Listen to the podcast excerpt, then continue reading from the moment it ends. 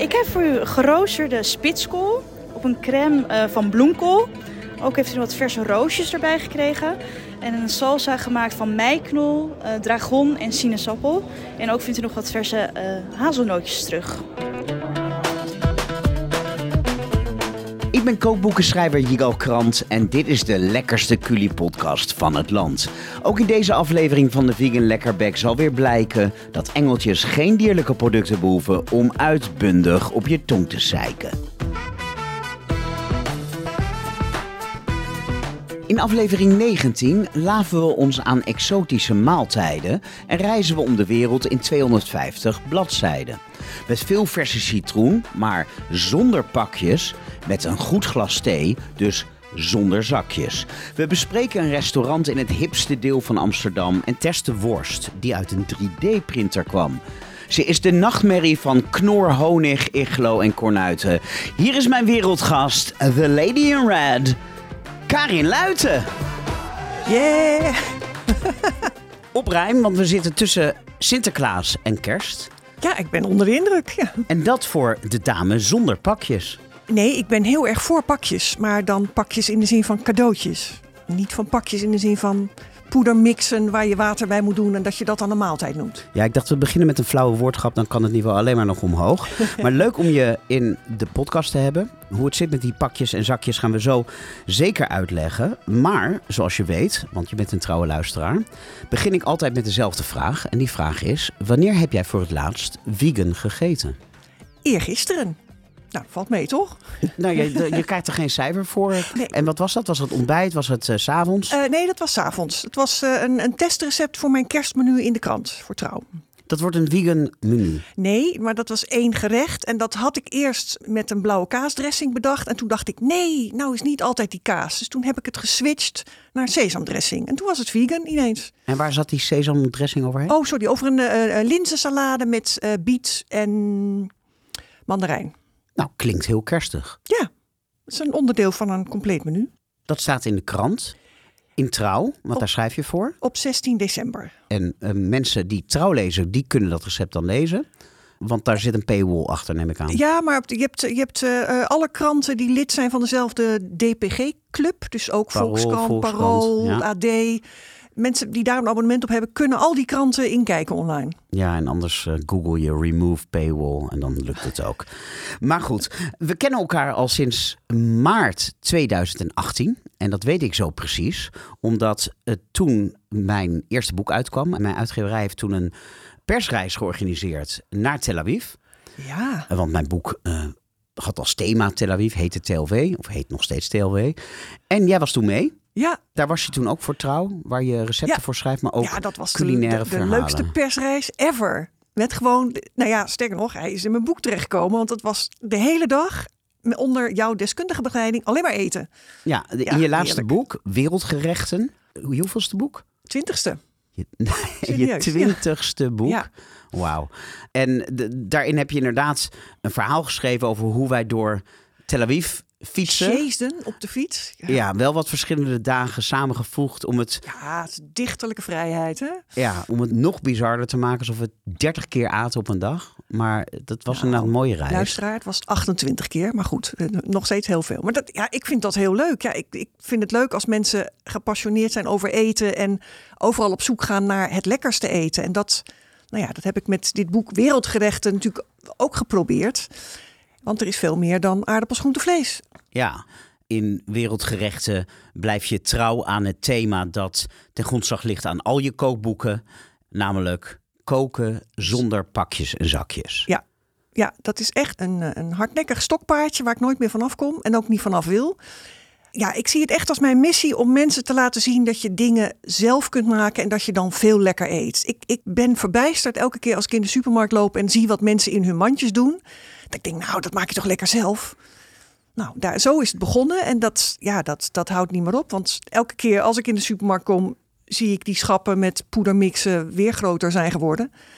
Dus er blijft genoeg inspiratie voor mij over. Maar dan zit je altijd vast aan een maaltijd van Knor of van Iglo. Nee, ik, ik breid het wel uit. Ik, ik laat me heel erg inspireren door de pakken van, van die firma's. maar ik, ik, ik vul het wel aan. Want be- nou ja, bijvoorbeeld nu de hè, Wereldgerechten zonder pakjes en zakjes, het nieuwste boek. Ik heb letterlijk inderdaad het hele assortiment eh, bekeken wat onder die naam verschijnt. En dan Dat is valt knor, op, toch? ja, maar dan valt op Hm. dat dat heel beperkt is. Het is vooral eh, Mexicaans, Italiaans en Thais. En ja, er is natuurlijk nog, zit nog heel veel wereld tussen. Dus ik heb het sowieso heel erg aangevuld met, eh, nou ja, met gerechten die ik ken van eigen reizen. Omdat ik denk, ja, er is meer in het leven. Want er staan 100 115 plus recepten in. recepten. En er zijn niet 115 knor wereldmaaltijden. Nee, nee. Nee, er zijn er minder. Maar ik heb ook, wat, want dat was het tweede ding wat mij opviel. eh, in die pakjes die zo heten, die zijn eigenlijk altijd met kipfilet. Terwijl ik denk, jongens, je kan toch ook lekker eten zonder kipfilet. Dus ik heb Dat weten wij Van- hier heel goed in Nou, de vegan daarom. Lekkerbek. En eh, het- dat, is, dat is mijn tweede missie. Dat ik mensen wat vaker wil laten zien hoe je lekker kunt eten zonder vlees of vis of zuivel. Dus ik heb van heel veel gerechten heb ik twee versies gemaakt. Eén versie die lijkt op het pakje. En één versie, eh, ja, bijvoorbeeld eh, de kip curry zonder kip. Noem ik hem dan bijvoorbeeld maar even. Of, eh, Met je eigen twist. Ja, en die is dan of vegetarisch of vegan. Alleen had ik je eigenlijk moeten uitnodigen bij het uitkomen van je vorige boek. Want dat was een vegaboek. Ja, dat en daar was- stonden heel veel ja. vegan recepten ook in. Hij heette, die heette Vega zonder pakjes en zakjes. En het is de helft vegetarisch, de helft vegan. Ook weer 115 recepten. Daar heb ik me er helemaal op gestort. En had je daarna niet zoiets van... Nu ga ik niet weer terug naar vlees en vis. Ehm, ik ben een hardnekkige omnivoor. Ik eet eigenlijk alles, behalve zuurkool. Dus ik vind het gewoon ook leuk om dingen met vlees en vis te experimenteren. Ik richt mij ook niet op de hardnekkige eh, eh, vegetariër of, of veganist. Ik denk dat er een wereld te winnen valt bij mensen die, net als ik, wel vlees eten en vis eten. En die best willen minderen, maar die gewoon niet weten hoe. Daar ben ik voor. Ik wil mensen echt inspiratie bieden om te denken van nou, laat dat gewoon eens een keertje achterwege en maak gewoon iets lekker plantaardigs.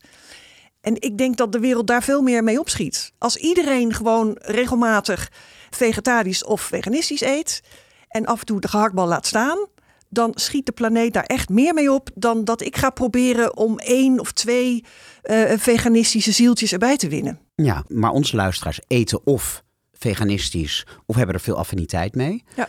Dus als je het goed vindt, zou ik het heel leuk vinden om jouw vorige boek, want je weet als trouwe luisteraar dat wij dat graag doen, Ja, Vega zonder pakjes en zakjes mag verloten onder de luisteraars. ja tuurlijk. Ja, nee, ja. Ik zet je voor het blok. Nee, dat vind ik prima. Dat zijn allebei liefdesbaby's van me. Dus ze zijn me Ah. allebei even dierbaar. Ja, en je laatste twee boeken liggen voor me.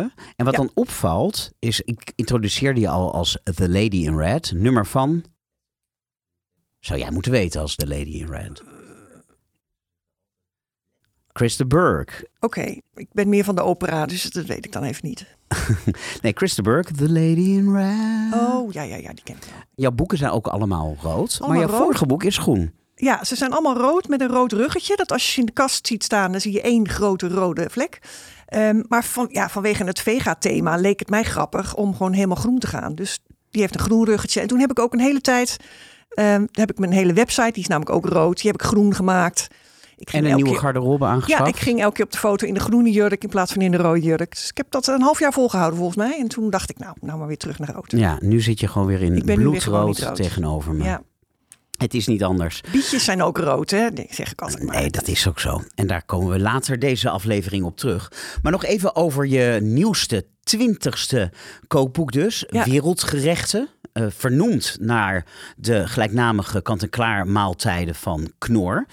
Ik vroeg me af, krijg je nou nooit een, een boze e-mail van de juristen van Knor... met een ultimatum dat je er echt mee moet ophouden? Ik ben een keer heel uitgebreid te gast geweest bij Knor. Dat was een hele leuke middag. En eh, toen heb ik uitgebreid gesproken met, met, nou, met an- chef Anton, hoofd Knor. En ook een heel eh, stuk voorgeschreven over de krant. En, eh, maar ja, toen vroegen ze wel van, eh, wat kunnen wij nou doen om onze pakjes zo te maken dat je er wel achter staat? Ja, dan is het enige antwoord, ja, nee, sorry, echt niet. Ik geloof niet in dat je een product zo kunt eh, fabriceren dat je het helemaal eh, hydrogeniseert en er poeder van maakt van al je groenten.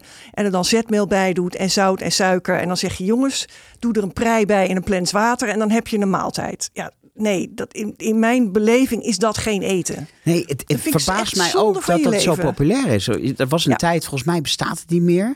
Maar was er ook shakshuka.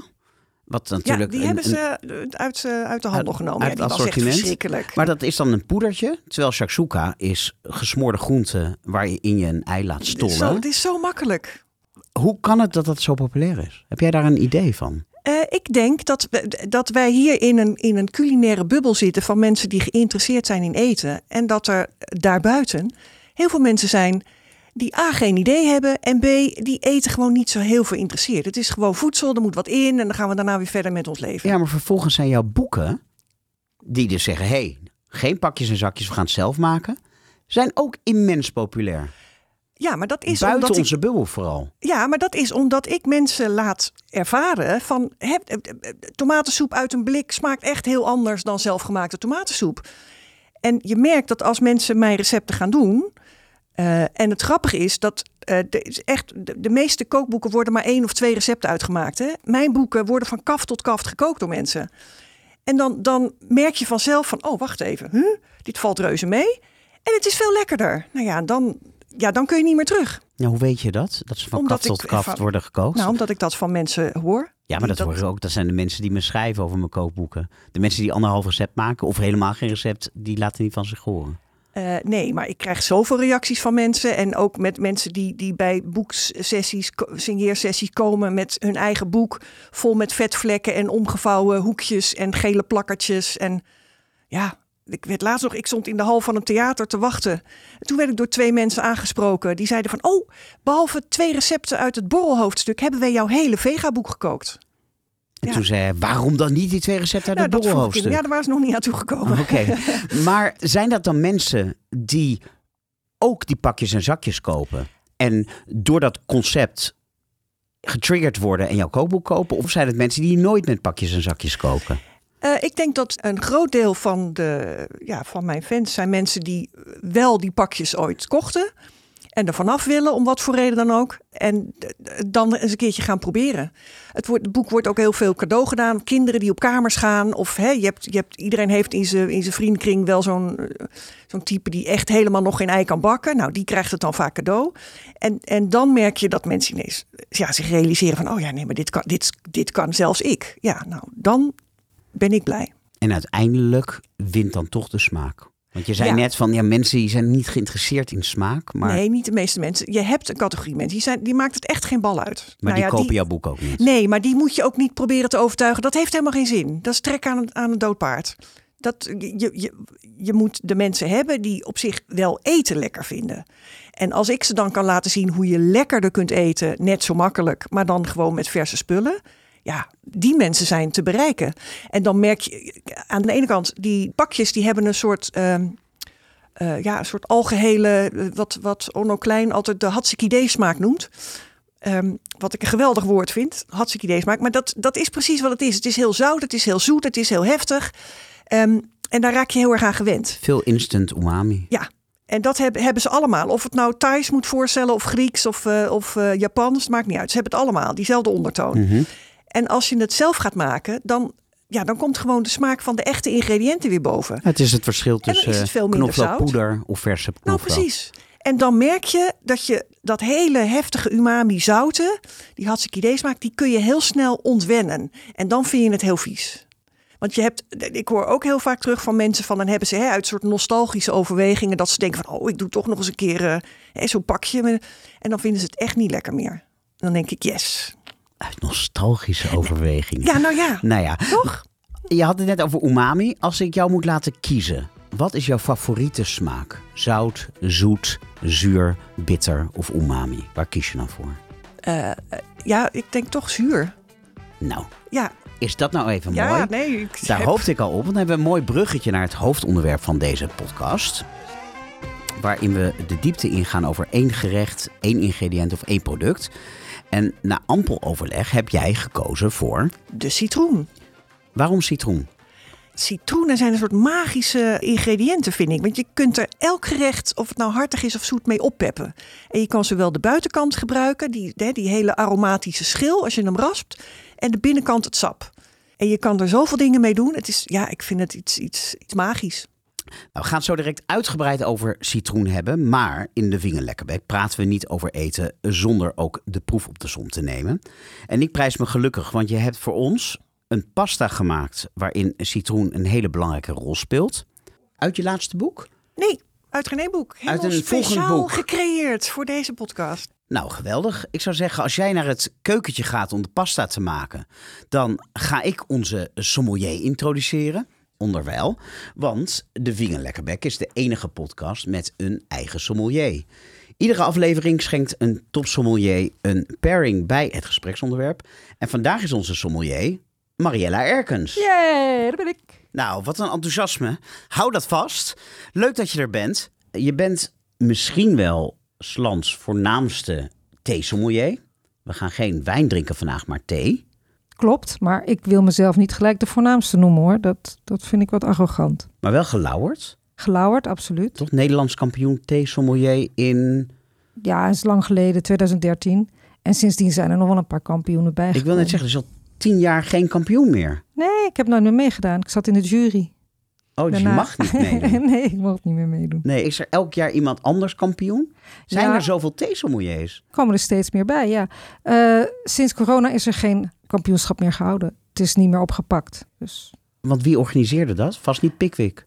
Nee, nee, nee, nee, nee. Eh, verschillende groepen, zoals de theesommelieropleiding. Er is een Nederlandse theesommelieropleiding. Ja, zeker. Die heb ik ook gedaan. En hoeveel mensen doen dat? Ja, dat weet ik niet. Het is niet mijn school, dus ik weet het niet. Nee, maar als je mensen spreekt die, eh, weet ik veel, sociologie studeren, die zeggen dan stevig achter, ja, maar je kan er niks mee. Als je thee hebt gestudeerd, kan je daar wat mee in Nederland? Ja, een hoop mensen beginnen of zelf een theemerk. Of ze hebben een restaurant en ze willen er meer over weten. Of ze doen het gewoon voor een plezier. Of ze zijn gestopt met drinken en ze willen beter weten hoe ze dan eh, goed kunnen paren zonder alcohol. Ja, En- perren, wijn, of wijn, sorry, thee, spijs, combinaties maken. Ja. En daar heb jij je in gespecialiseerd. Ja. En daar heb je ook een boek over geschreven. Ja, want dat bestond nog niet. Er zijn een heleboel boeken over thee geschreven, echt duizenden. En in een aantal daarvan staan ook wel wat recepten. Maar er staat niet uitgelegd hoe je het doet. Hoe kies je nou de juiste wijn, eh, thee? er staat niet in hoe kies je nou de juiste thee bij het eten. Eh, hoe doe je dat? Waar moet je op letten? En toen heb ik dat zelf maar geschreven. Want ja. En ik was als chef, dat scheelt natuurlijk. Ja, je bent chef geweest, niet hier in Nederland, maar Nee, in ver weg in Brazilië. Hoe kwam Ja. je daar terecht? Eh, ik surfde graag. Dus ik ging er surfen. Oh, echt? Ja. En werd daar in Brazilië in jouw restaurant dan ook thee geserveerd bij de gerechten? Nee, want toen was ik nog niet in de thee, helaas. Dat is later Toen, gekomen. ja. Het boek ligt eh, voor je. Mhm. Het heet, heel verrassend, thee. Maar de ondertitel is De nuchtere neef van wijn. Ja. Nuchter natuurlijk omdat er geen alcohol in zit. Hem is de neef, ik zou zeggen nichtje. Het is wel een beetje een vrouwendrankje, toch? Eh, nee, ja, in, in Nederland geldt het als een, een vrouwendrankje, maar in China is het echt een mannendrankje. Nou, hoeveel sommeliers zijn er na jouw kampioen geworden die man waren? Weet ik niet. Het zijn vooral Twee. vrouwen toch ook? Het zijn vooral vrouwen, maar dat is dus in Nederland. Maar wat ik zeg, in Azië is het een mannending. Ja, en het woord thee in de Vandalen is gewoon een mannelijk woord. Klopt. Dus wel degelijk een neefje en geen nichtje. Ja. En thee is wel echt in opkomst. Hè? Er zijn steeds meer restaurants die thee aanbieden bij de gerechten. Die een... nog erg weinig hoor. En als ze het doen, doen ze het fout. Dat is zo jammer. Ja, wat doen ze fout? Nou, alles. Dat is echt heel jammer. Ja, het is echt heel Ja, jammer. maar alles daar kunnen ik en de luisteraar niet zoveel mee. En geef Nee, eens wat voorbeelden. Nou, ze kopen sowieso bijna altijd smaakjes thee. Je wil ook geen sangria bij je eten als je het over wijn hebt. En thee heeft van zichzelf al net zoveel smaken als wijn. Het kan hetzelfde als wijn doen. Het kan smaken versterken, het kan bepaalde ingrediënten omhoog halen, ehm, het kan smaken bij elkaar brengen. Kortom, precies wat wijn kan. Hm. Dat kan thee ook. Maar dan moet je wel de goede thee hebben. En het hoeft helemaal geen dure thee te zijn maar wel pure van de eh, theewinkel. Nooit uit de supermarkt. En je moet het goed zetten. En dat is een heel verhaal op, op zich. Het is helemaal niet moeilijk, maar iedereen doet het fout. En wat doet iedereen fout? Water is fout. Ze gebruiken water. van water? Ja, maar ze gebruiken dan water uit koffieapparaat. En dat water uit koffiezetapparaat is geschikt voor koffie, niet voor thee. Het is te hard. Water uit het koffieapparaat? Ja, dat gebruiken ze in restaurants om thee mee te zetten. Oh, dan hebben ze zo'n... Zo'n knop. Ja. Ja. Dus het is te hard en te alkalisch, wat heel nadelige invloed heeft op de smaak. Te veel kalk. Te veel kalk en een te hoge pH, waardoor het alkalisch wordt, waardoor het een beetje zeepig en vettig en viezig gaat smaken. Dus je hebt pH-neutraal water nodig en zo zacht mogelijk. Maar ik heb een hele handige methode bedacht, speciaal voor de horeca, maar ook heel handig thuis, dat je wel het water van het koffiezetapparaat kan gebruiken. En hoe doe je dat? Die speciale methode komt er uh, grofweg op neer dat je relatief heel veel theeblad doet in bijvoorbeeld een pot, een shampot of een, cold brew tea bottle. En daar doe je zacht gefilterd koud water op. Koud water. Het wordt een cold brew. Deksel stevig dichtdraaien in de koelkast. Maar je gebruikt vier keer zoveel thee als wat je normaal zou gebruiken. Dus het wordt een extract. Het wordt veel te sterk om zo te kunnen drinken. Dat is ook de bedoeling. Mhm. Want als je het dan zeeft, dan kun je het vervolgens aanlengen met water naar keuze. Maar door dat zachte water zitten wel alle mooie smaken in het extract. Dus dan kun je wel het water uit het koffiezetapparaat gebruiken. Maar dan is nog steeds, laten we zeggen, drie vierde van je kop thee, of je glas thee in jouw geval waarschijnlijk, Ja, hard water. ja het, dat zal je ook terugzien. Het is dan wat donkerder en wat troebeler. Maar de smaken zitten er wel in. En het, eh, eh, het lastige wat, wat kalk in water doet, het, het werkt als een soort magneet, trekt het alle fijne aroma's eruit. Die kunnen zich niet meer loslaten in je kopje. En dan krijg je vlakke thee. Maar omdat je geen theeblad meer hebt in je extract, alle smaken zitten er al in. Nou ja, je gaat het zo proeven. Ik heb het meegenomen. Ja, is dat kunnen- misschien ook wel een reden waarom het toch niet heel populair nog is? Omdat het zo'n gedoe is als je het goed wil doen. Kijk, een goede fles wijn trek je open en schenk je in. Ja, maar en het moet is een dus- beetje de goede temperatuur hebben en dan zit je goed. Ja, maar nu is het dus geen gedoe. Met dit systeem is het makkelijk, want je maakt de avond van tevoren je extract. Je zeeft het en je kan het dagen goed houden. Het enige wat je hoeft te doen is het aan te lengen met water. En dat kan zijn kokend water, dat kan zijn lauwwarm water, dat kan koud water zijn en het kan bruiswater zijn. Dus daar kun je ook nog mee spelen. Dus je kunt dan ook koude thee serveren, of warm of heet, wat je wil. Ja, want thee hoeft niet heet te zijn, maar is Nee. het vaak wel, of warm. En dat lijkt me ook wel lastig bij pairings. Omdat je dan toch als je aan het eten bent vaak warm bij warm hebt. Dat is juist lekker. Mensen zijn dat niet gewend, tenminste in het westen. In het oosten doen ze niet anders. Maar warm en warm is juist prettiger, omdat je niet die klap hebt die je hebt met koud op warm in je mond. Het gaat veel fijner samen. Ja, ik, het vind allemaal getest. gewoon heel lekker.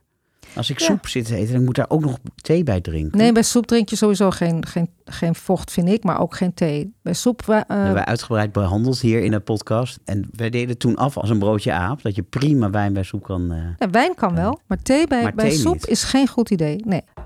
En daar komt onze... Hoe heet deze pasta, Karin? Pasta met citroen en courgette. En het is spaghetti, als ik het goed zie. Ja. Met een citroentje on the side. Ziet er prachtig uit. Wat gaan we daarbij drinken, Mariella? Is het lastig, citroen? Eh, soms wel. Het is natuurlijk toch een vrij dominante smaak. Dus je moet een beetje nadenken over welke thee gaat daar goed bij. Als je uitgaat van astringente theeën bijvoorbeeld. Sommige Ceylons kunnen heel erg mondsamentrekkend werken. Heel drogend werken. Als je dan ook nog een citroentje daar tegenover zet. Dan trekt je mond wel heel erg eh, naar binnen. Dus ik heb een zachtere eh, groene thee gekozen. Ik heb er drie. eh, Die alle drie goed gaan. Ik weet niet of we alle drie kunnen drinken. Of we daar tijd voor hebben. Maar het zou in principe kunnen. Ik heb een Genmai Cha. Dat is een eh Genmai Cha Iri Matcha. Dus daar zit ook matcha poeder in. Dat is heel erg hip de laatste tijd. Dat is een groene bansha thee uit Japan. Gemengd met gepofte rijst en matcha poeder. En dat, daarom heeft hij ook zo'n prachtige kleur. En ik heb een eh, wilde thee. Dus van wilde bomen in de jungle geplukt. Eh Shan Ha Guang. Dat is Vietnamese eh, groene thee uit Noord-Vietnam. Uit de jungle. En ik heb nog een Vietnam die gewoon van de plantages afkomstig is. Ook uit Noord-Vietnam. Waardoor je ook die verschillen zou kunnen proeven. Nou, laten we met één beginnen waarvan jij denkt dat hij het beste... Laten we beginnen met een hapje spaghetti. Want Ja. zoals Italianen weten, Ja. la pasta non Ja, aspetta. Nooit wachten. Ja, maar Met ik wil bij mijn pasta wel een thee. Ja, maar je kan hem eerst proeven. Wat ik normaal gesproken zeg als ik pairings doe. Proef eerst de thee, maar dat wil Karin niet. Dus we gaan eerst de pasta proeven, dan de thee en dan samen. Oké. Maar ik moet de thee ook nog zetten, hè, dus... Eh, Tenminste, dat kan ik. eh, We gaan time eerst even dit management loopt totaal in de soep. We nemen even alleen de pasta dan. kan jij ondertussen wat vertellen over de pasta? Ik heb eerst een uitje gefruit. De, de meeste gerechten beginnen met een ui. Hè. Dat is, de, met- helaas was dat ingrediënt in deze podcast al vergeven. Want eigenlijk is dat mijn lievelingsingrediënt. Een ui is, is fantastisch. Daar ja, kun je, met Gilles behandeld trouwens. ja, daar moet je altijd mee beginnen. Gewoon lekker rustig even fruiten. Dan komt er heel veel smaak los. Dan heb je gratis en voor niks heel veel smaak. En ook meteen een ui telt als groente, zeg ik ook altijd Ja, bij. de, de Italianen die hebben dan de sofrito en dan doen ze vaak ook selderij en wortel bij. Ja, ja, dat zit hier niet in. Die is alleen ui. Eh, die heb ik even een voorsprongetje gegeven. En daarna mocht de courgette erbij. Die doe ik heel vaak in plakjes of in stukjes. Maar omdat ik nu spaghetti had, heb ik hem eh, julienne gesneden. Dat past er mooier bij. En dan komt eh, de citroen. En dat is zowel rasp als sap. Vaak is pasta limone is alleen citroen. En dan denk ja, ik wil toch graag iets van groente erbij. Anders gaan mensen allemaal weer mailen van, eh, dat is weer niet gezond. En dan moeten we er weer tomatensalade bij maken. Nee, zo zijn onze luisteraars niet. Oké, nou, dus ik dacht, en ik vind geel en groen vind ik ook altijd fijn combineren. Het heel belangrijk scheutje eh, pasta kookwater om het allemaal lekker een beetje smeuig te maken. Eh, en peterselie is ook zo'n heel fijn kruid wat ook altijd Gaat heel goed met op, citroen ook. Gaat heel goed samen. En eh, een beetje lekkere olijfolie om het af te maken. En een, eh, een zwiebel met de pepermolen en, en dat is het. Zal ik ondertussen de thee inschenken? Ja. Welk is dit? Dit is de Genmaicha Irimacha. Ja. Dus dat is de groene thee uit Japan, gemengd met gepofte rijst en matcha theepoeder van de theeceremonie. Je ziet die prachtige kleur. Zag je hoe ik hem maakte net? Ja, zoals ik thuis limonade maak voor de kinderen. Met eh, extract en daar kokend water bij. Precies. Zag je hoe snel het ging? Ja, dat is zo gepiept. Ja. Ja, je hebt het geschonken in een wijnglas. Mhm. En omdat je het kokende water bij het concentraat hebt geschonken dat gewoon op kamertemperatuur is, wordt de thee niet heet, maar Precies. eerder warm. Ja, dus hij is gelijk al op dronk. Je hoeft niet te wachten tot, want als hij te heet is, dan heb je je bord al leeg voordat je aan de thee kan beginnen. En nu is hij al op temperatuur, dus je kunt hem nu al drinken. Ja, hij ruikt heel kruidig. Bijna een beetje wierookachtig. Ja, ik begrijp wel wat je bedoelt. Een Earl Grey thee, zou dat hier ook bij kunnen? Omdat Bij ik- deze niet. Nee, Nee. dat is jammer. Want ik zat te denken, de associatie natuurlijk met Earl Grey thee, waar natuurlijk ook ehm ehm, bergamot... Ja, er zit bergamot in. Ehm, bergamot is natuurlijk ook een soort citroen. Ja, maar ik denk dat hij te bloemig is hiervoor. Dat hij te overheersend is. Ber, eh, Earl Grey kan wel bij een heleboel gerechten. Hoor. Staat Ja. ook in mijn boek trouwens. Bij een Ja, heleboel recepten gaat ehm Earl Grey prima. Maar ik vond deze, omdat het... Hij moet zo wat subtiel frisser, is wat en groener, frisser. wat... Ja. Ja, dan wil je je gerecht niet overdonderen. Ja. Eh, deze thee kun je gewoon bij de thee speciaalzaak kopen. En hoe heet die ook alweer? Genmai-cha. Genmai betekent gepofte rijst. En cha is thee. Net heette die langer. Ja, Genmaicha Iri Matcha. Daar is matcha aan toegevoegd. En als je echt die Genmaicha Iri Matcha wil, zoals wij hem nu drinken, dan moet je even googlen. Ik weet niet of winkels mag noemen. Waar ik hem gekocht heb in Tuurlijk. Nederland. Oh, oké. Nou, ik heb deze bij Hotsoep gekocht. Dat is een, een hele goede webwinkel in Nederland die echt mooie thee verkoopt. Maar de Genmaicha kun je ook gewoon kopen bij Simon Leeveld en dergelijke. Dat soort Oh, ja. theezaken. Wat ik nog even wil zeggen, nu we het toch over die Earl Grey Mhm. thee hebben, dat is de populairste thee in Nederland. Als je daar zakjes van koopt, bijvoorbeeld Twinings, dat is 3,95 voor 10 zakjes, dan heb je 18 gram thee voor 3,95.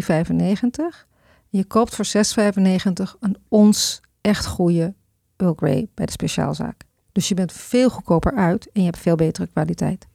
Ja, je moet dan wel even de tijd nemen om naar de speciaalzaak te gaan. En je, Je moet zo'n zo'n eierding. Nee, je mag nooit in een thee-ei. Nooit in een thee-ei.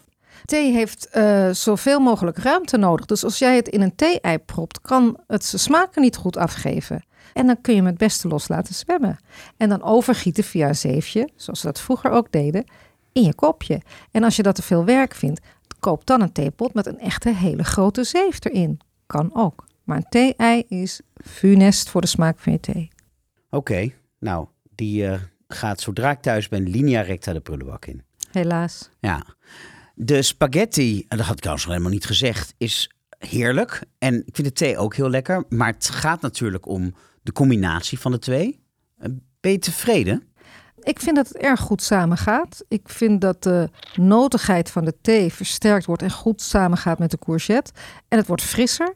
Zowel de thee als het gerecht worden eigenlijk nog frisser. Ja, en die courgette wordt benadrukt. Lenteachtig van, vind ik. Lenteachtig, Ja. dat vind ik een mooie term. Ja, licht, fris, lenteachtig. Ja. Absoluut. Ja, en wat vind jij, uh, Jico? Een mond vol. Oh ja, dan wachten we wel eventjes. Ik vind die thee lekker hoor, maar ik krijg van die pasta vooral heel erg veel zin in een glas witte wijn. Heb ik niet bij me, sorry. Als Wat, ik, ja, wat ik er ook fijn van vind, is eigenlijk dat het ook een beetje warm is. Want ijskoude wijn bij warme pasta is eigenlijk helemaal niet logisch. Het is veel lekkerder als het allebei een beetje warm is. Nou, ik vind het juist wel lekker als er wat verschil in temperatuur zit tussen wat ik eet en wat ik drink. En witte wijn moet natuurlijk helemaal niet ijskoud zijn. Nee. Maar dit is ook niet gloeiend hete thee, dit is lauwe thee. Ja, het is 40, 50 graden inmiddels. Ja, Het is nog wel een aangename temperatuur. Ja. Ja. Maar het mooie van dit systeem is, als dit helemaal koud wordt, wat wel eens gebeurt natuurlijk op tafel, omdat je lekker aan het praten bent, dan wordt dit niet bitter. Maar als je vers gezette thee hebt, wordt die wel bitter als je hem laat afkoelen. Dus dat is ook wel handig. je zei net, er zijn niet heel veel restaurants waar je goede thee kan drinken. Maar ik weet dat je ook adviseert. Ja. Dus er zijn wel restaurants waar het wel kan. Wat is nou Ja. een restaurant waarvan je zegt, nou daar is echt de thee-pairing fantastisch. Restaurant Bonbon in Amsterdam. En dat is een vegan restaurant. Het is een vegan restaurant. Daarom zeg ik het eigenlijk vooral omdat het een goed vegan restaurant is. Met hele mooie gerechten. En ze doen de thee goed. En is er een sterrenzaak bijvoorbeeld waar ze echt lekker bezig zijn met thee? Daar ben ik nog niet geweest, want ik eet niet bij sterrenzaken. Maar ik weet wel dat eh, de Jane in Antwerpen, van Sergio Herman, Mhm. met een bevriende theesommelier werkt. Nou ja, zij heeft mooie thee, dus ik neem aan dat het daar gewoon goed gebeurt. Ik weet dat François Geurts het deed in Rotterdam, maar ik weet niet of hij het nog steeds doet. De Libreie werkt met de thee van de eenhoorn en dat is echt hele mooie thee. Of ze het goed zetten is een tweede, dat weet ik niet, want ik heb het niet geproefd. Maar het is wel mooie thee. Voorheen werkte ook de Echoput met thee, geloof ik. De Veluwe van Peter Klossen. Van Peter Klossen. Maar ik weet niet meer of dat is echt al een aantal jaren geleden dat ik het daar met hem over had. Ehm, ja.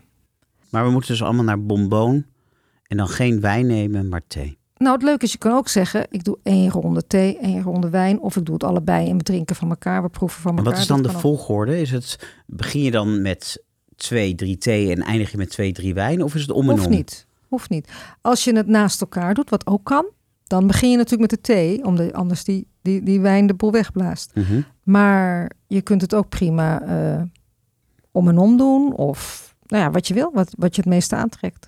Ja. Je bent chef geweest. Ja. Kook je wel eens met thee? Ja, ook in mijn boek staan diverse recepten met hoe je kookt In dit boek thee. staan ook recepten met thee. Ja, het is een kookboek en een handboek over thee. Er staan meer dan 70 recepten in van mijn eigen hand. En bij elk recept staan drie theeën die je erbij zou kunnen drinken. Een wat goedkopere, een wat duurdere en een chicere. En er is ook een hoofdstuk koken met thee, chocola met thee, cocktails met thee. En soep met thee. Want wat ik wel eens doe, en waar ik me wel over verbaas dat niemand dat ooit doet, is dat als je een krachtige bouillon maakt, er gaan heel veel specerijen in en kruiden en heel veel smaakmakers. Maar ik gooi er ook wel eens een zakje thee bij. Heel goed, want dat is smaakversterkend. Ja, maar dat doet nooit iemand. Nee, omdat mensen het niet weten. Mensen weten niks van thee. Bij een groentebouillon, wat voor thee zou je dan gebruiken? Eh, maakt op zich niet zoveel uit, want je proeft de thee niet echt terug. Dus het gaat vooral om het smaakversterkende effect. Het verdiept smaken, het brengt smaken naar elkaar en het versterkt het. Dus ja, ja geen smaakjes thee natuurlijk. Nee, uiteraard. Geen Nee, bosvruchten Geen bosvruchten, nee. Het hangt ook een beetje van de bouillon op wat erin zit. Kan een zwarte thee zijn, kan een groene thee zijn. Ja, wat ik ook veel doe bij eh auberginegerechten, waar Mhm. ik aubergine eerst blaker in het vuur, is nog wat lapsang soesong toevoegen. Om die rooksmaak te benadrukken. Ja. Ja, ik sprak het vast verkeerd uit. Nee, nee, je zei het goed. Oh, oké. De recepten in je boek, zijn die een beetje vegan-friendly? Ja, er zijn, staan sowieso heel veel vegan recepten in. En bij elk recept, waar mogelijk, staat ook een alternatief. Dus als het een vegetarisch recept is, staat er voor veganisten dit doen. Als het een eh, vleesrecept is, staat er voor vegetariërs pas het zo aan. Voor veganisten pas het zo aan. Dus ja, Vice versa. Dan weet je wat de volgende vraag gaat worden. Nee? Nou, mogen wij ook een exemplaar van jouw boek verloten? Ja, natuurlijk. Nou. Ja, hartstikke leuk. Graag. Nou, superleuk. Gaan we dat doen? Hebben we dus voor het eerst in de historie van deze podcast twee prijsvragen. Ja. Gaan we dat verdelen? Dus we hebben dan twee winnaars. Ja, vind ik wel. Ja, dat is wel het leukste. Hè? En zullen we dan ook zeggen dat je moet kiezen dat je of meedoet voor theeboek of meedoet voor Karins boek, het Vegaboek. Goed idee. Ja? Goed plan. Gaan wij weer verder met het hoofdonderwerp van vandaag, de citroen. Eet ondertussen onbeschaamd door van eh Karins lekkere spaghetti al limone con zucchine. Ik Ehm, eet even verder. Ja, eet lekker verder. Eh, praat ook lekker verder. Want je bent vanaf nu sidekick. En als eh, voormalig chef kan je natuurlijk ook over eh, alles wat de gastronomie aangaat eh, een lekker woordje meepraten. Maar terug naar de citroen. Dan is er meteen de keus citroen of limoen. Ik vind vaak het voordeel van eh, limoenen dat daar nooit pitjes in zitten. Vind ik bij het uitknijpen altijd handig. Eh, Ze zijn iets anders. Je hebt bijvoorbeeld in de, ja, toch bij de, de mediterrane keuken is meer met citroen. En alles wat meer Aziatisch en, en Zuid-Amerikaans. Zuid-Amerikaans is, is meer limoen. Ja, maar jij zit in Nederland. En je kan natuurlijk ook nog azijn gebruiken. Ja. Wanneer kies je nou voor citroen? Wanneer kies je voor limoen? En wanneer kies je voor azijn? Eh, ik heb altijd alles in huis. Dus ik, eh, ik varieer Nee, dat maakt het beetje. juist moeilijk. Dus waar kies je dan voor? Nou, dan, dan kijk ik toch naar het soort gerecht. Als ik eh chili's in karne maak, zal ik daar eerder toch limoenen voor nemen. Maar, en als ik die niet in huis heb, neem ik een beetje citroen. Als ik eh, groenten even snel, bijvoorbeeld uien even snel in wil maken. Of even wat zachter wil maken, Mhm. van die rode uien. Dan, ehm, ja, dan kan het met allebei. Of met, en met limoen en met citroen. En als ik dat niet heb, dan een beetje rode wijnazijn kan ook. Dus ja, je kan daar een beetje mee spelen. En de, een, ja, de ene citroen is ook krachtiger van smaak dan de andere. Dat valt ook niet te voorspellen. Ik heb toevallig gisteren eh, geprobeerd vegan cakejes te bakken met supermarkt citroenen en met echt hele dure citroenen van de groentejuwelier uit Amalfi. Mhm. Eh, niet de groentejuwelier, maar de citroenen. En eh, dat maakte helemaal geen verschil in smaak. Dat vond ik ook wel grappig. Want ik zou echt denken van, oh, die Amalfi citroenen, dat zijn die hele mooie grote, beetje bonkige, met een blaadje zit er nog aan. Dat is die hier voor je hebt Ja, liggen. ja, ja, echt beeldschoon. Maar in smaak maakt dat dan niet zoveel uit. Dus eigenlijk kan je met elke citroen wel wat doen. Ja, maar limoen is wel geparfumeerder dan Ja, citroen. ja. Zeker. Maar niet daarmee ook lekkerder. Want je hebt gekozen voor citroen, niet voor Nee, limoen. nee, dat, nee, het hangt er heel erg vanaf wat je ermee doet. Ik vind eh, eh, limoen door de spaghetti vind ik dan weer wat minder.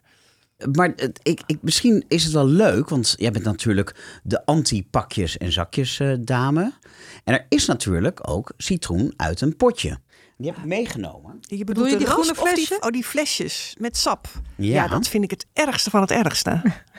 Oh ja, die plastic citroentjes. Ja. We gaan het even testen. Ik Ze heb zien er wel hier... heel kek uit. Ja, ik vond ze vroeger mooier. Toen hadden ze echt zo'n heel Ja, mooi... Maar zo ribbelig. Ja. Was het Ja. echt een citroentje? Alles Nou ja, wordt minder. Hè? Ik heb Ah. hier van eh, Polenghi citroensap. De Italiaanse zon op tafel. Ja, marketing hè. Ik heb hier biologisch citroensap van de Albert Heijn.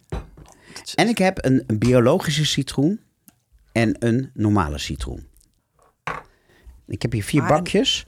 Een, qua verse citroen, een biologische en een niet-biologische. Het, het- het- vaak is het enige verschil dat de, de schil niet met was behandeld is van de niet-biologische. Waardoor ze langer goed blijven. Eh, want biologische citroenen die, die gaan schimmelen als je drie keer met je ogen knippert. Ja. Eh, maar die, ja, daar zit niet zo'n waslaagje op. Dus als je hem wil, de ras wil gebruiken, is dat op zich beter. ja, maar het is niet zomaar een waslaagje. hè. Het is schellak. Ja, oh, oh, dus dan ook nog niet vegan dan. Nee, dus het is eigenlijk niet Oh, vegan. dat is- dat het is schellak van luizen. De Keuringsdienst van Waarde heeft daar heel lang, toen Wouter Klootwijk nog bij de Keuringsdienst had, een mooie aflevering over gemaakt. En het is het bloed en het schellak vermengd, waarmee ze die glans creëren. Dus je zou eigenlijk moeten zeggen dat, dat vegans alleen maar biologische citroenen Ja. mogen hebben. Ja. Ja. Nou ja ik, ja, ik koop meestal biologisch, maar dat is omdat ik mij altijd helemaal drie slagen in de ronde rasp. Dus dan vind ik het makkelijker als ik niet eerst hoef te Maar we gaan testen of er inderdaad geen verschil tussen biologische en normale citroen zit qua smaak, Ja. qua sap. Oh, zo. Je hebt ook rasp hè, in een potje. Echt Voor, voor waar? gebak. Ja, dat is, ja, dat is ook heel vies. Hier is een lepeltje. Merci bien. is dat nou een lepeltje? Ja, en nu mag jij even komen, Karin. Want onder op de bakjes staat wat wat is. En mag jij het even husselen? Oh, we gaan Want dan proeven. Leuk. weet niemand meer wat wat is. Nou, zo is het wel goed. Ga zitten. Beginnen we met deze. Pakje 1. Oh, ja. Oh, dit is echt Gadverdamme. vol voor de mensheid. Ja, nou, dit is zeker niet een verse. Bakje 2. Oh, moet eigenlijk ook mijn Amalfi-citroen dan eh, in de strijd gooien. Ja, we kunnen doen. Ja. Nou ja, het is nu te laat. ja, is heel duidelijk. Ja, Dat is vers. is dat een biologische? Dat proef je er dan niet aan af. Maar Dat is, Nee. Dan hebben we de derde. Lekker hè, zo'n citroen. eh. Ja, ik vind het wel lekker. nou ja, het bijzondere van citroen is eigenlijk dat je het zelden zo drinkt. Het is vaak dat ci- citroen in combinatie met andere ingrediënten, dat haalt het beste in elkaar naar boven. Zeker, maar wij hebben hier in de podcast zes verschillende soorten sojasaus geproefd. Dus dit is helemaal niks. Oké. Dat was een stuk zwaarder. Ja. Die is een beetje zout, deze. Ja. Er zit een zout eh, smaakje aan. Nou, en de laatste. Spannend dit, hè? Ja, leuk. Oh, deze vind ik echt heel vies. Oh, wat is dit ranzig. Oh, nou, zal ik hem dan gewoon maar over? Nee, nee, nee, je moet. Je moet. Oh ja, nou, dit is de, de klassieke. Die Volgens mij, is, die- ja, volgens mij is dit Ja. dat, dat gele flesje. Nou, dan gaan we kijken. Oh, ik neem gauw een hapje eten. Even die vieze smaak weg. De eerste was, kijk even onder het bakje. Daar staat AH, dat is de biologische uit het flesje van Albert Heijn. Ja. Daar merkten jullie meteen dat het geen verse was. Ja. Ik vond het wel meevallen. En zeker als je het vergelijkt met die laatste, laten we daar maar Ja. meteen kijken. Ja, Ja, dat is. eh, dat was die eh, Polengi. Die is echt veel en veel viezer. ja, Dat is, ja. En nou ja, die middelste twee. Die laatste was wat zouter. ja, vonden wij wat. zo- Ja, er zit, er zit helemaal geen zout in een citroen natuurlijk. Dus, De derde die we proefden was niet biologisch. En de tweede was biologisch. ja. Maar die biologische was wel het vers. Was, was wel de lekkerste, lekkerste, dan. ja. Ja. grappig. Nou, Ja. dus als we afgaan op dit super niet representatieve testje van NS1, dan moeten we niet alleen biologische citroenen kopen omdat ze diervriendelijker zijn, maar ook omdat ze lekkerder zijn. Ja, Ja, Nou, dit was makkelijk, hè? Dus Ja, we zijn leuk. niet door de mand gevallen, gelukkig. Nee, nee, leuk, leuk, leuk. Ehm, nee, maar dat, ja, dat is wat ik natuurlijk steeds mensen ook probeer uit te leggen. Dat het echt heel veel verschil in smaak kan maken. Wat je eet. Want mensen denken, oh, zo'n flesje citroen, dat is handig. Dat is eh, eeuwig houdbaar. En ja, dat is gewoon vies. terwijl verse citroen hartstikke lang goed blijft. Wat ik doe, is één keer per week snij ik een paar citroenen door. Ik heb zo'n handige citroenknijper. Dat is wel degelijk een goede keukengadget. In de eerste plaats kan je knijpen zonder dat er pitjes in je sap belanden. Want die blijven achter in de houder. En zeker als je er vier, vijf, zes, zeven moet persen, is het gewoon... Weet je, in groenmoes, een goede bak groenmoes gaan. Ja. Zes Ja. halve citroenen. Nou ja, dan bespaart zo'n knijper je wel veel tijd en moeite. Maar wat ik doe eens in de week, dan snij ik vijf, zes citroenen door. Die knijp ik uit. En die zeef ik daarna in zo'n plastic knijpflesje, zet ik in de ijskast. En dan heb ik gewoon de hele week verse citroen. En. Goed. Oxideert niet? Ja, het gaat wel achteruit. dan. Nee, ik merk er helemaal niets van. En het is echt ideaal, want anders neem je een kneepje... en dan moet je die citroen in een plastic zakje weer in de ijskast bewaren. Ja, Hoe doen jullie is, dat, dat dan? is wat ik doe. En dan knijp ik hem verder uit. Ja, maar dan ligt hij ook te oxideren in de ijskast. Nee, niet Ja, als je dat zo- gaat bij mij zo snel wel er doorheen dat ik... eh, En als je hem echt echt- inpakt. Ja, Met- met- en als, met ik, hem als echt weet van ik ga nu weg of ik moet, dan, dan doe ik hem in een ijsblokjesvorm in de vriezer. Ja. Ja, dat doe ik ook wel. Maar Ja. ik zag vandaag een superhandige tip. Die wil ik eigenlijk even met jullie delen. Maar ik heb hem niet geoefend. Ik heb het alleen maar gezien. Maar als je een eh, citroen kneedt en rolt. Dat is sowieso altijd handig, hè? want dan krijg je er meer sap uit. En dan steek je een satéprikker in het tuutje. Daar heb ik wel eens voorbij zien komen op En Instagram. dan knijpen. En dan heb je sap. Ja. Vond ik ook wel een hele handige. ja, ik heb het al eens geprobeerd. Het werkt niet altijd. Oh. Nee? Oké. Nee, maar op, op de filmpjes waar het voorbij komt, werkt het wel Werkt het altijd. als een tierenlier. Ja. Ja. Oh, grappig. Ja, nee, maar de- ik vind het is echt wel een, een tip. Dan heb je gewoon, en zo werkt het natuurlijk in restaurants ook. Heb je ook knijpflesjes met, Ja. eh, met citroen en met, ja, met allerlei halffabrikaten. Wat wel echt verschil maakt met citroenen en met limoenen. Als je ze uitperst met zo'n elektrische pers, wordt het al snel bitter. In, in tegenstelling tot als je het inderdaad, hè, zoals zo'n knijper, zo'n handknijper die jij hebt, of gewoon met een vork heen en weer frikken. Dat maakt echt verschil. Ja, in Peru, waar ze natuurlijk ontzettend veel limoenen uitknijpen voor eh ceviche. Ceviche. Daar wordt het te rigoureus uitknijpen van eh, een limoen echt gezien als een misdaad tegen de menselijkheid. Hmm. Maar het werkt ook voor groente. Hè? Zowel in Italië als in India leggen ze bijvoorbeeld aubergine in met zuur. En dan kan je, aubergine kan je rauw normaal niet eten. En dan na een weekje of wat kan je het eten. En dan gaat het heel lekker op toast. Oké. Oh, wat interessant. Of je verwerkt het in een focaccia. Super lekker. recept komt in mijn volgende aubergineboek. Oh, leuk. En wat je dan altijd leest in recepten, ook in jouw recepten, als je eh, zo'n citroen raspt, dan staat er rasp voorzichtig. Want dat wit wat eronder zit, Is bitter. dat wil je niet hebben. Dat is bitter. Ja, dit is ook zo. Nee, nee, volgens mij eh, kakelen we elkaar allemaal na. Het is wel bitter, maar ah, bitter is natuurlijk ook gewoon een, een smaak. En een smaak die Ja. zijn meerwaarde kan hebben. Maar als je bijvoorbeeld zo'n citroen inlegt, gebruik je de hele citroen.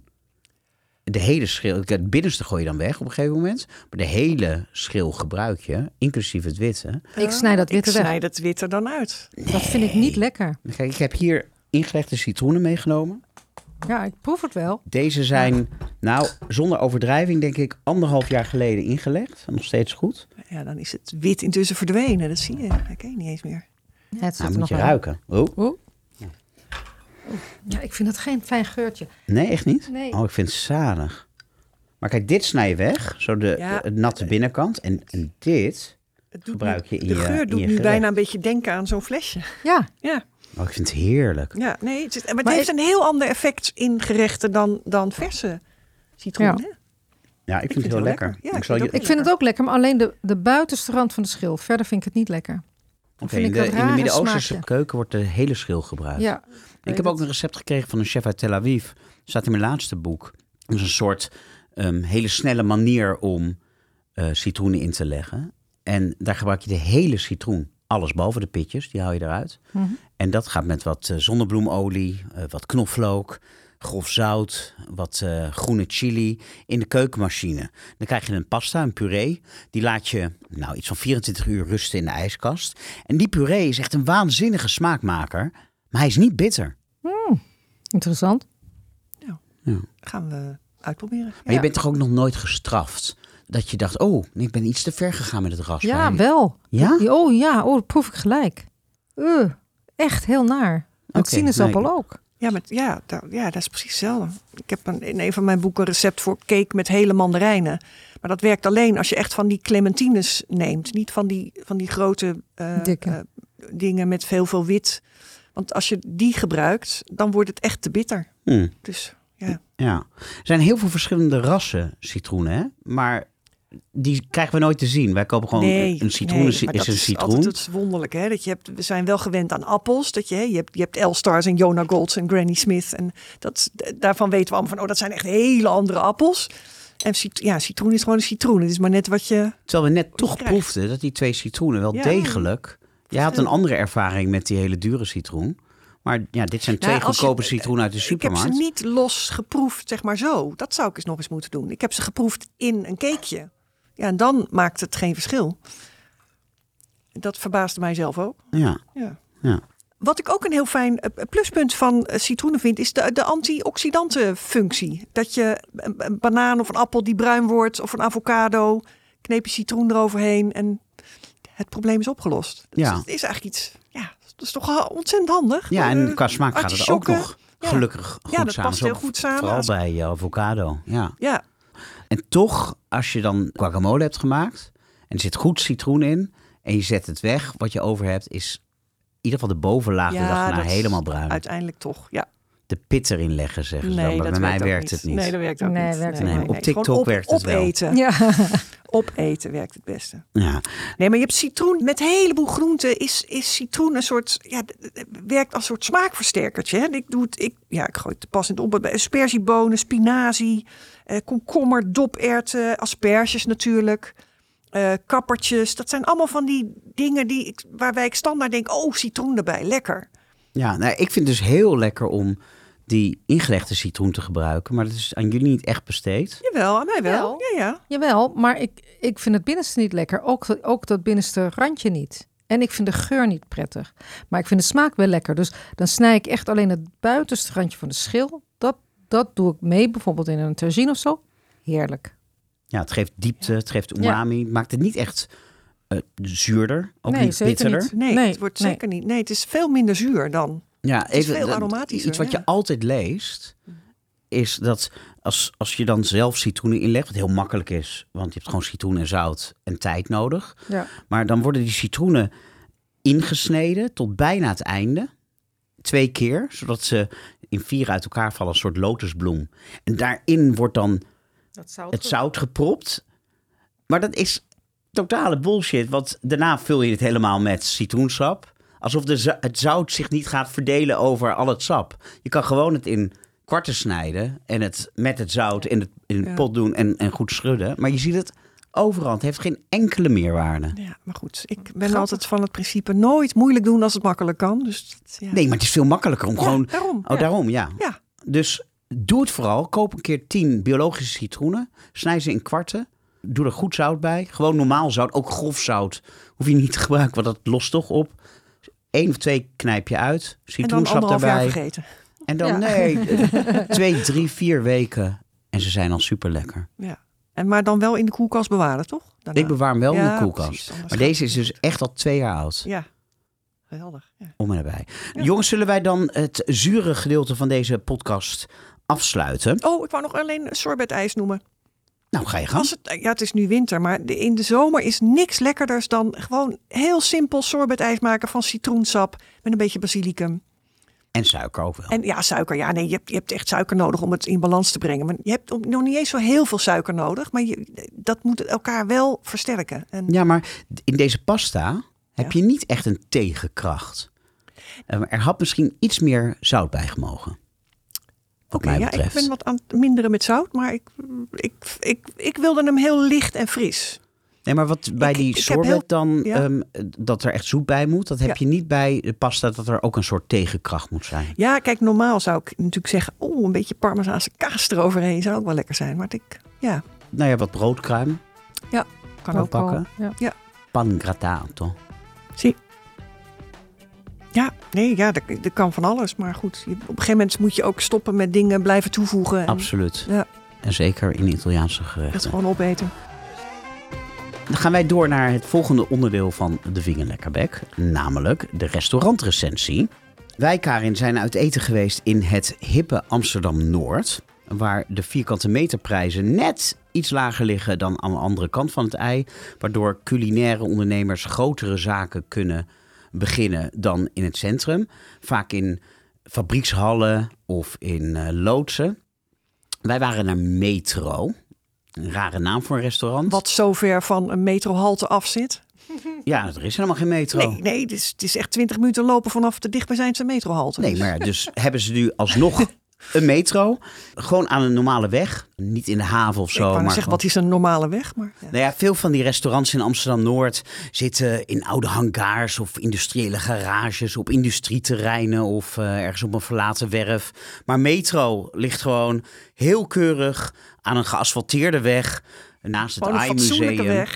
Ruim opgezet. Ja, TL zaak. En toch heel gezellig. Ja, maar ze hadden juist vrij weinig licht. Want onze foto's zijn allemaal mislukt. Dus zoveel licht hadden ze ook weer niet. Nou ja, ze zijn mislukt. Ik heb hier een, een printje van de foto's die we hebben gemaakt. Ook en voor jou, Mariella, dan kan je een beetje meepraten. En nu zeg ik ongeveer elke aflevering dat het al best wel lang geleden is. zodat ik hoop dat we Ja, het een dat beetje goed is kunnen wel een running bespreken. gag maar- aan het worden. Ja. ja, maar dit is echt lang geleden. We waren er in september. ja. En het leuke van dit restaurant, vind ik, is dat het een hele kleine, simpele kaart heeft. Je kan kiezen uit een voorgerecht, een hoofdgerecht en een dessert. Dat heet dan voor, hoofd. Dan zou ik zeggen na, maar dan is het dessert. Ja, nou, twee. Ze hebben twee keuzes per. Ja, maar in principe heb je dus niet zes gangen, maar heb je gewoon drie gangen. Ja. En ze hebben dan nog een snackkaart, snacks. En die kan je erbij bestellen. Ja, een soort voor-voorgerecht. Ja, en die kaart is niet vegan, maar in principe kunnen ze elk gerecht veganizen. En het- wat ik leuk vond is dat ze echt iets nieuws maken. Wij hadden bijvoorbeeld als voorgerecht ehm, geroosterde andijvie. En die staat dan op de kaart met pecorino. En voor ons hebben ze dat met pangrattato, met opgebakken broodkruim Die was gedaan. heerlijk. En die was ontzettend lekker. Ja. Ehm, zullen we even bij het begin beginnen? Ja. De bediening trouwens was ook echt wel een hele leuke meid. Heel leuk, ja. Die allemaal natuurwijnen schonk. Omdat ik zei dat ik daar niet zo dol op was. Toen kwam zij als soort experiment met hele lekkere natuurwijnen aanzetten. En ze kwam met een natuurwijn die niet zo natuurwijnerig was. Ja. Nou ja, dat bedoel ik met hele lekkere natuurwijn. Ja, want jij houdt niet van dat natuurwijnsmaakje waar ik zo van houd. Ja. Nee, ik hou er Nee. ook niet van. Oh, Ja. joh, natuurwijn met ingelegde citroen. Overigens, nog heel even, heel vaak zeggen mensen geconfijte citroen ook als ze ingelegde Ja. citroenen bedoelen. Maar ook. geconfijt is Ja, met is iets suiker. anders, ja. Soukade hebben we het niet over gehad. Dat is geconfijt. Of Ja. met vet. Geconfijte eendenbout. Is dus in olie. De Fransen noemen het wel confit de canard. Ja, Maar dat is in, in olie. Ja, ja nou ja. In niet de suiker. Niet de suiker. Nee, zeker Nee. niet de suiker. Nee. Nee, maar in ieder geval niet in zout. Nee, Nee. Dus eh, anyway. dat scheelt terzijde. Oh, wat ik vergeten ben, is dat ik altijd het restaurantgeluid instart. Zodat we hier een beetje de sfeer Ja, van zeggen. Het restaurant je... kunnen Ja. oproepen. Het was gezellig, maar niet heel erg vol. Terwijl ik overal lees dat je echt weken van tevoren moet reserveren om er een plekje te krijgen. Maar het was eigenlijk heel makkelijk. Nou ja, ik ben intussen afgelopen vrijdag nog een keer geweest. Want het was zo goed. Want het was zo fantastisch. Toen was het dus wel helemaal vol en druk. En, en, en was, was het wel anders. En ik weet nog van die Israëlreis dat jij niet zo van hele drukke plekken bent. Eh, ja, maar dat was voordat ik eh, me aan mijn oor geopereerd was. Dus intussen gaat het beter. Oh, echt? Ja, maakt echt verschil. Oh, oké. Nou ja.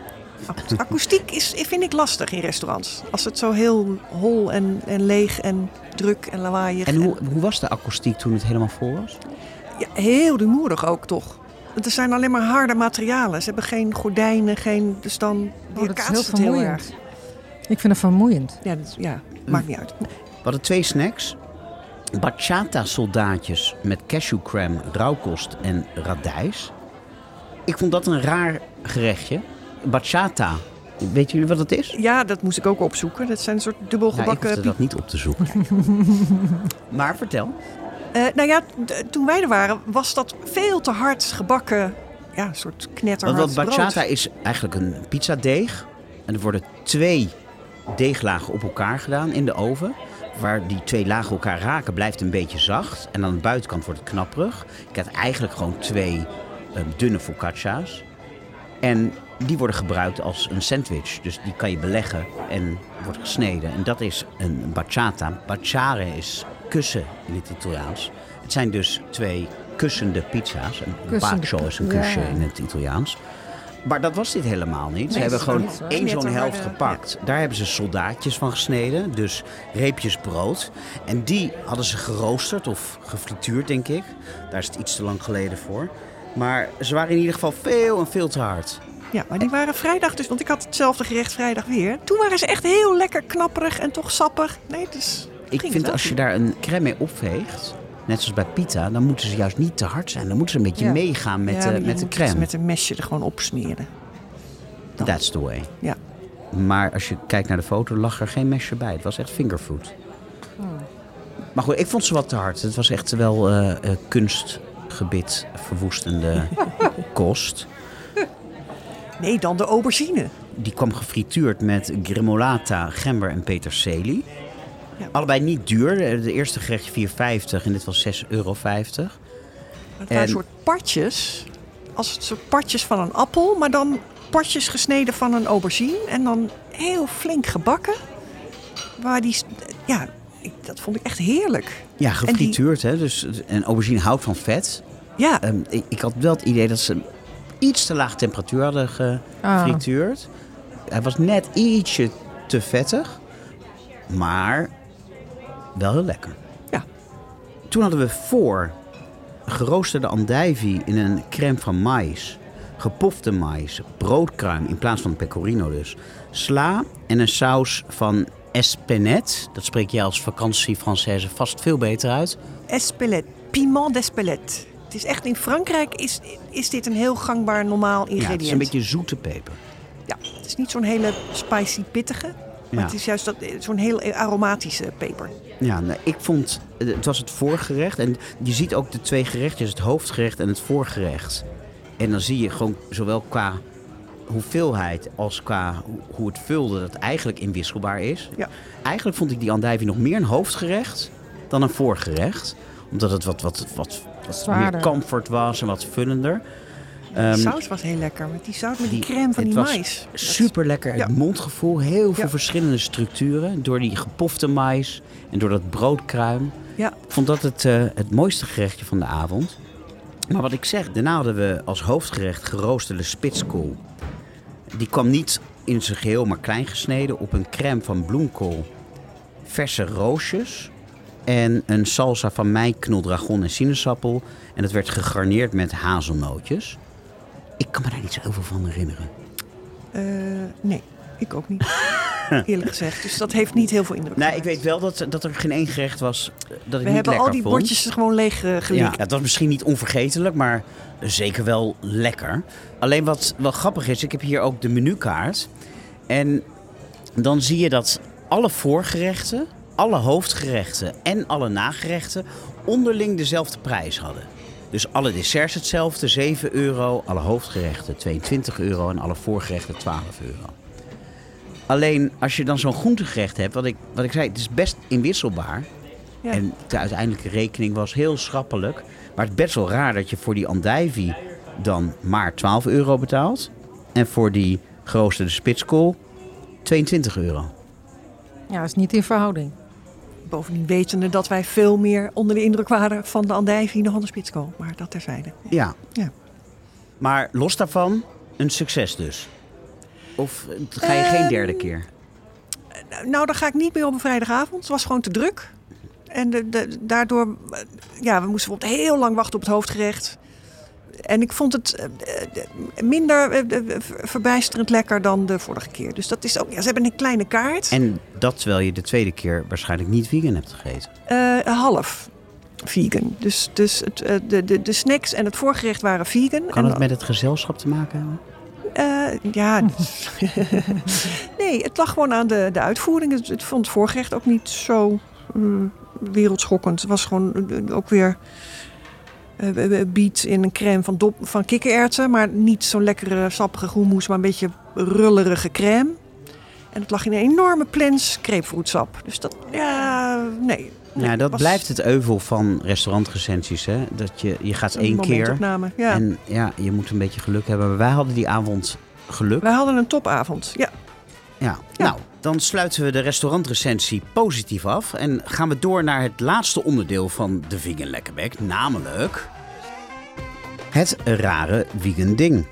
Waarin we plantaardige producten aan een kritische blik onderwerpen. En vandaag eh, zijn dat de braadworsten van de Israëlische start-up Redefine Meat. Zegt jou dat wat, eh, Mariella? Nee. Nou, misschien gaat er een belletje rinkelen als ik je vertel dat biefstukrestaurant Loetje eerder dit jaar een vegan biefstuk op de kaart zette Dat heb ik uit de 3D-printer. Nou, dat was plantaardig vlees van Redefine Meat, een start-up uit Tel Aviv. Mhm. Inmiddels gevestigd in Londen, in Berlijn en ook in Amsterdam. Verstokte carnivoren werden er heel erg boos over. Want zelfs Loetje is nu woke en alles wordt ons ontnomen. Eh, heel veel in het nieuws geweest. Ik heb, Heb het geproefd toen. zelf? Ja, ik vond de structuur totaal niet op biefstuk lijken. Ah. Maar wel heel goed als je zegt dit is draadjesvlees. Oh ja. Want dat is wat dat 3D-printen doet. Het soort van een hele bijzondere structuur die je normaal gesproken niet in vleesvervangers tegenkomt. En eh, toen ik die biefstuk was proeven bij Loetje, werd het vlees nog ingevlogen, het nepvlees, vanuit Tel Aviv. Maar inmiddels is er een fabriek in Best, in Brabant, in Nederland. En ja, daar wordt dus een soort inkt gemaakt die volgens Redefine Meat bestaat uit dezelfde plantaardige ingrediënten die koeien, schapen en varkens eten. Met de eiwitten van groenten en granen wordt spierweefsel nagebootst. Met plantaardige vetten wordt het vetweefsel nagebootst en met bietensap en cranberry-sap het bloed. En dat wordt dan met de 3D-printer geprint in ja, wat het moet zijn. Ze hebben inmiddels burgers, runder gehakt, pulled beef, pulled pork, altijd leuk uit Israël, braadworst en lamskuften.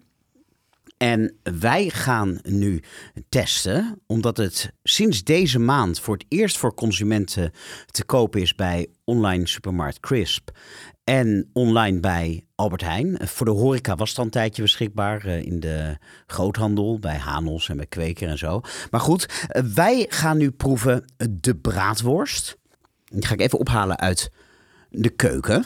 Oké, Ja, het komt uit een pakje, Karin. Ik zie je ook al fronsen. Nou, ik ben geen voorstander van knutselvoer. En ik vind het heel wonderlijk dat ehm, mensen bij vegetarisch eten denken van... oh, maar dan hebben we kipstukjes nodig of nepflapjes of, of rare obscene burgertjes. Of... en ik denk alles wat de groenteboer biedt aan groente, peulvruchten, eh, paddenstoelen, noten, zaden.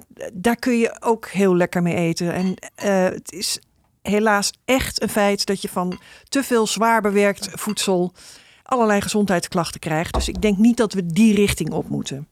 Als we minder vlees en vis en zuivel willen eten. Nou, die discussie hebben we hier al heel vaak gevoerd. Ehm, Wat jij zegt, zeg je natuurlijk uit het perspectief van iemand die naast allemaal lekkere dingen zonder vlees en vis ook gewoon vlees en vis eet. Mensen die helemaal zijn gestopt. En niet omdat ze er niet van houden, maar omdat ze dat doen voor de dieren of voor de natuur. Die verlangen soms wel terug naar dat worstje. Ja. En dan hebben ze even geen zin in zaden en pulvruchten. Dit is volgens de fabrikant geen geheimzinnig laboratoriumproduct met eh, chemische toevoegingen en eh, gemodificeerde stoffen. Maar je hebt gelijk, het is een zwaar bewerkt product. Ja. Eh, volgens de definitie dat er meer dan vijf ingrediënten in zitten en dat het uit de fabriek komt. Maar vergeet niet, dat geldt evenzeer voor de braadworsten en hamburgers uit het vleesschap. Die moet je ook niet te vaak eten. Nee. Maar goed, eh, tenzij jullie er echt hele grote gewetensbezwaren eh, tegen hebben, moeten jullie er toch echt aan geloven. Gaan we nu de braadworst van Redefined Meat proeven? Ik ben heel benieuwd. Ja, ik- Ik ben ook eh, benieuwd, want ik heb hem ook nog niet geproefd. Hij ziet er echt... het ziet er heel worstjesachtig uit. uit. Ik vind de geur vind ik aangenaam. Dan ruikt een beetje naar pinda's. Satésaus. het. Theesaus. Heb jij dat ook? Ja, pinda's. Nou, het echt, ja. Het is een beetje provisorisch hier in het kleine keukentje op een eh, elektrisch stelletje aangebakken, waardoor die niet helemaal mooi rond is gegaard. Maar ik vind die, die structuur inderdaad wel anders dan als je een... eh je hebt allebei wel eens vegan worstjes gegeten, toch? En ik heb Ja, ook absoluut. heel veel hele vieze vegan worstjes gegeten. Ja, ik ook. Ik vind hem heel zout. En heel Heel zout en heel pittig. Het is net Ja. alsof ze dachten van, oh, het moet vooral eh, Peper veel, hebben. veel smaakmakers Dat helpt erin. natuurlijk, hè? Dat je die, die sponsige structuur een beetje vergeet. Want het korstje is wel goed gebakken. Mhm. Maar het binnenste is, ja, blijft toch een beetje nondescript sponsig. En dat is, Ja. vind ik, te peperig. Ja, hij is goed gekruid. Ja, het is een braadworst. Als je mij had gezegd het is een merguez, had ik het ook geloofd. Ja, ik eet dus al jaren geen vlees meer. En dit doet me wel echt aan vroeger denken. Ja, maar het is, het is wat jij zegt. Dat binnenste is wat sponsig. Sponsig. Ja. Ehm, inderdaad, qua smaak komt hij eerder bij de merguez in de buurt. Maar ja, daar lijkt hij helemaal niet op. Nou, maar mis voor een braadworst is hij weer te dun, vind ik. Ja. Braadworst is, dat is een sausijs, dat is dikker. Op de verpakking staat gewoon sausage. Oh, ja. dat klopt. Dus ik had op de website gelezen braadworst. Maar dat is dan blijkbaar weer een ander product. Hier staat gewoon sausage. Dus dan mag je zelf invullen waar het op moet lijken. Worstjes, ja. Een worstje. Ja, dat worstje. klopt. Het is een worstje. Ja, ik moet zeggen, ik vind dit wel lekker. Hij is inderdaad vrij zout, maar ik vind hem niet bremzout. Nee, het, het is meer peper die overheerst dan het zout. Ja. Ja, de, de peper blaast alles wel weg. Maar goed, ik heb ook heel veel van die dingen gegeten die smaakten naar helemaal niks. Dat ik echt dacht van, jongens, doe wat met kruiden. Nee, want je zei Dat van, je hebt wel eens eerder van die worstjes gegeten, die vond je echt heel vies. Ja, dan vind ik deze beter te doen. Maar ook weer, ja, ja ik, ik ben niet zo'n fan hiervan. Nee. Sorry, ja. Nee, ja, ik heb geen aandelen in Redefined Meat. Nee, ik vind het zeker niet slecht. Ik, ik zou het wel een 7 geven. We geven normaal geen cijfers, maar laten Oh. we dat doen. Wat is jouw cijfer dan? Dan doe ik een 6 min. maak ik er lekker een 7,5 van. En dan eindigen we toch op, Toch een, positief. Zeven. op een 7. En dan eet ik mijn laatste stukje worst op. En zeg ik dat daarmee de 19e aflevering van de Vegan Lekkerbek er alweer op zit. En dan volgt zoals altijd de oproep om allemaal een kijkje te nemen op de Instagram-pagina van de Vegan Lekkerbek. Simpelweg at de Vegan Lekkerbek geheten.